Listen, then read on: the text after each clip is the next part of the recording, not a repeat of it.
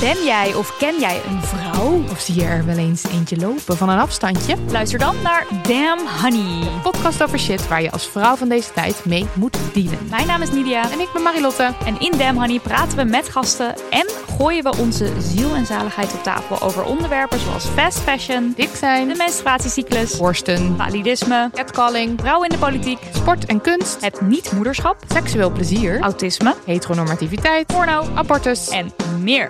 Elke zaterdag in je podcastfeed.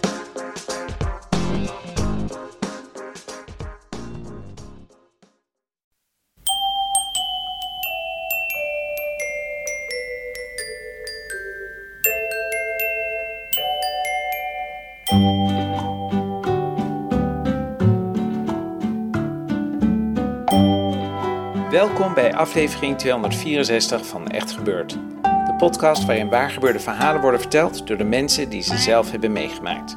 Met deze week een verhaal van Annemiek Overbeek. Ze vertelde het in september 2017 tijdens een verhalenmiddag met het thema Terug naar school.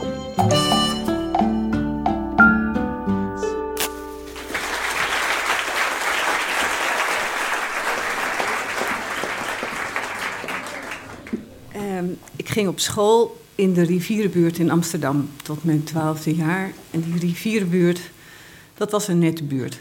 Toen ook al, jaren 50. Dat is het nog steeds. Het grote verschil was wel, er waren heel veel kinderen. En die woonden in die niet al te kleine woningen, maar die waren toch wel te klein voor die overvloed. Dus wat gebeurde? Die kinderen speelden allemaal op straat.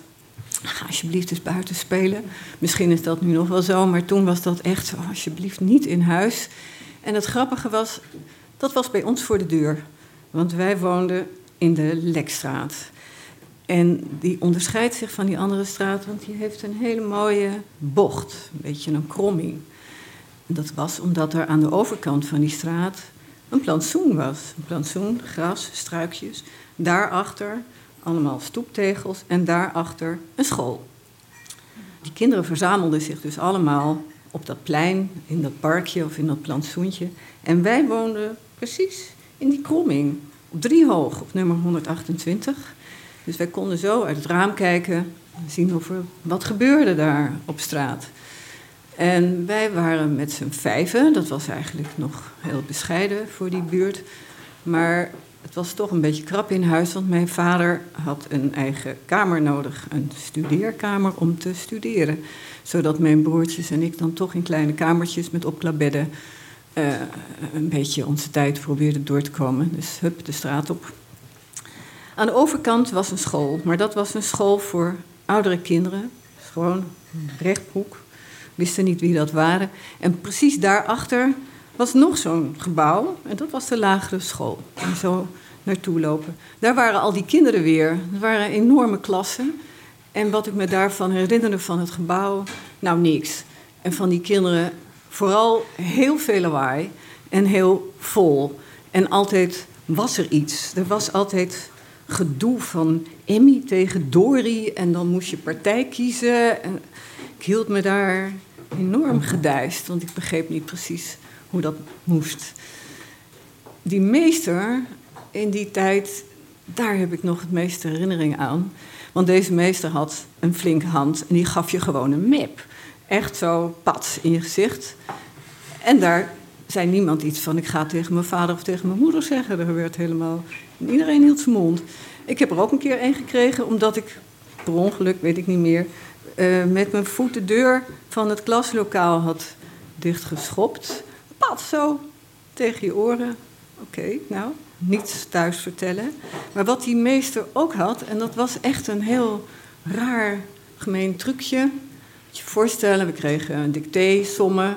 En als je dat dan slecht gemaakt had, fout in je dicté, veel verkeerde sommen, dan moest je met dat papier, met dat cijfer, naar een broertje of zusje in een hogere klas. Er was altijd een broertje of zusje in een hogere klas.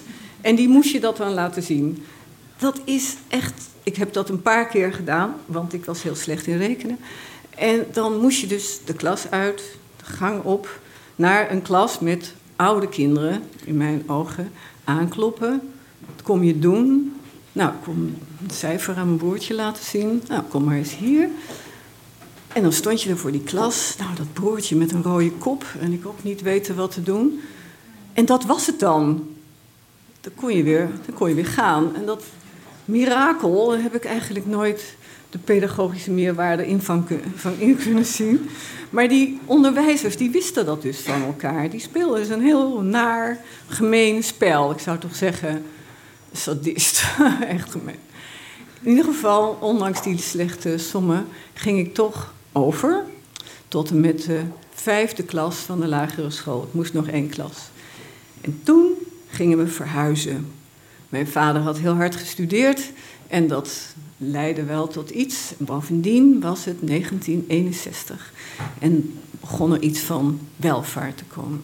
Dus wij verhuisden van die nette rivierbuurt naar een iets chicere buurt. Eigenlijk helemaal niet zo ver daar vandaan, ook in Amsterdam-Zuid. Zo'n beetje bij de Beethovenstraat. Van die lawaaierige drukke straat kwamen we terecht. Ja, wel in een groter huis.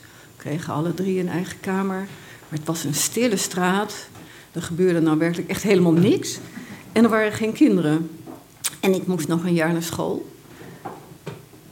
Ik denk dat mijn ouders het gewoon heel praktisch hebben opgevat en in het telefoonboek hebben gekeken wat de dichtstbijzijnde school was. Openbare school, dat wel. En die vonden ze in de Clio-straat. Het speelde zich af in de zomervakantie, dus ik had even nergens zorgen over.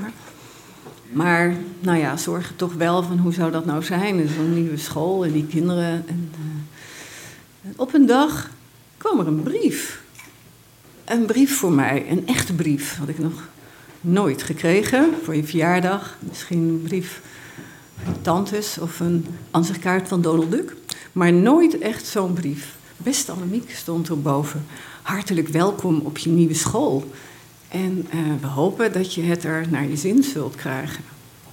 Ik was verguld, ik kan niet anders zeggen. Welkom op je nieuwe school. Uh, toen stond er nog iets over wanneer dan de eerste schooldag zou zijn. En dat ik, uh, ik denk, een gymbroek mee moest nemen of een atlas. Toen stond er nog iets onder. Ik heb die brief niet meer, dat is heel erg jammer, maar als ik me goed herinner, stond daar iets over die school. En dat dat wel een gewone openbare school was, maar toch heel bijzonder, want het was een openluchtschool. Daar werd iets bij uitgelegd. Nee, het is wel een gebouw, maar als het even kan, dan krijgen jullie les in buitenlokalen. En er is ook een plat dak, dus bij mooi weer krijg je les op het platte dak. Nou, dat was echt onbestaanbaar. Ik had helemaal geen voorstelling, maar kennelijk was ik niet nieuwsgierig. Dus ik heb pas die school gezien op de eerste schooldag. En dat was echt, ik had nog nooit zoiets gezien. Dat was een soort glazen kubus. Leek wel of dat ding zweefde, hoe moet je het zeggen? Ja. Het is een heel vreemd gebouw. Het is voor de eerste keer dat ik dacht, oh, ik zie een gebouw. Ik heb nooit bij stilgestaan. En vanaf de eerste dag daar in die nieuwe klas, nieuwe kinderen, voelde ik me daar geweldig thuis. Het was zo'n ongelooflijk verschil met die vorige school. Kinderen waren iets minder ruw, waren er ook minder. Maar het was vooral die school zelf. Dat had te maken met dat glas overal. Wij zaten als zesde klassers helemaal bovenin. Het was dus op een binnenplaats. En het was er licht.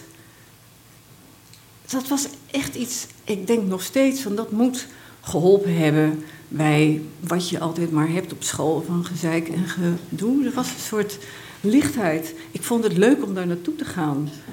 Het was er prettig. Die openluchtschool had natuurlijk een ideaal, daar kwam ik later wel achter, want hij heette eigenlijk de openluchtschool voor het gezonde kind. En dat was een idee uit de jaren dertig, dat je als je maar veel frisse lucht kreeg als kind, dat je dan misschien ook wel een beter mens zou worden. Ik weet niet uh, of dat gelukt is. De architect die was daar wel van overtuigd. Dat was Jan Duiker, die ook uh, zonnestraal heeft gemaakt in, het, in diezelfde tijd, ook met heel veel ramen.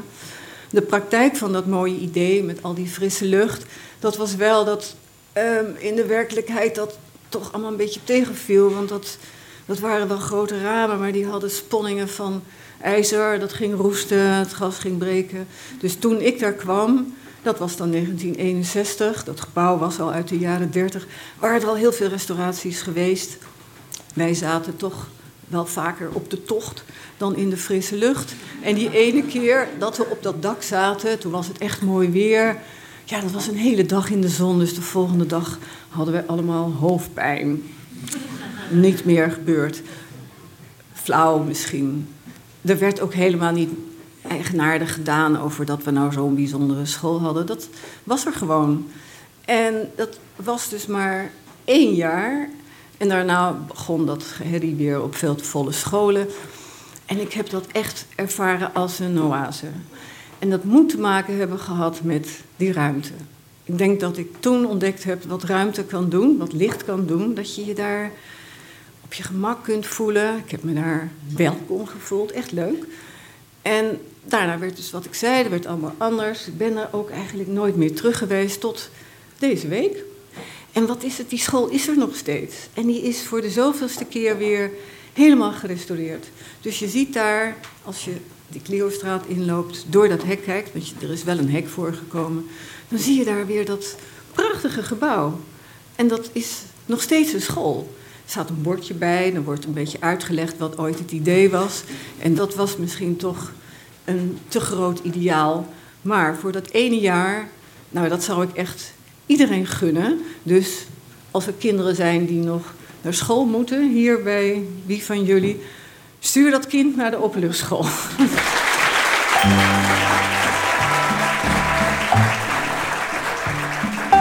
Dat was een verhaal van Annemiek Overbeek.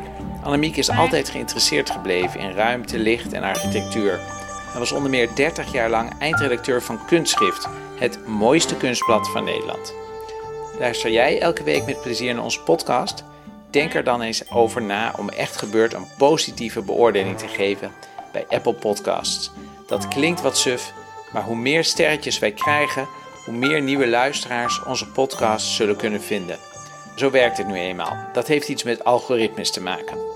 Onze redactie bestaat niet uit algoritmes, maar uit Paulien Cornelissen, Rosa van Toledo, Sanne Pols, Maarten Westerveen en mijzelf, Micha Wertheim.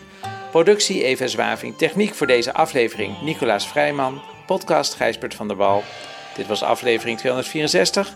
Bedankt voor het luisteren en vergeet niet, een beetje frisse lucht, daar knapt ieder mens van op.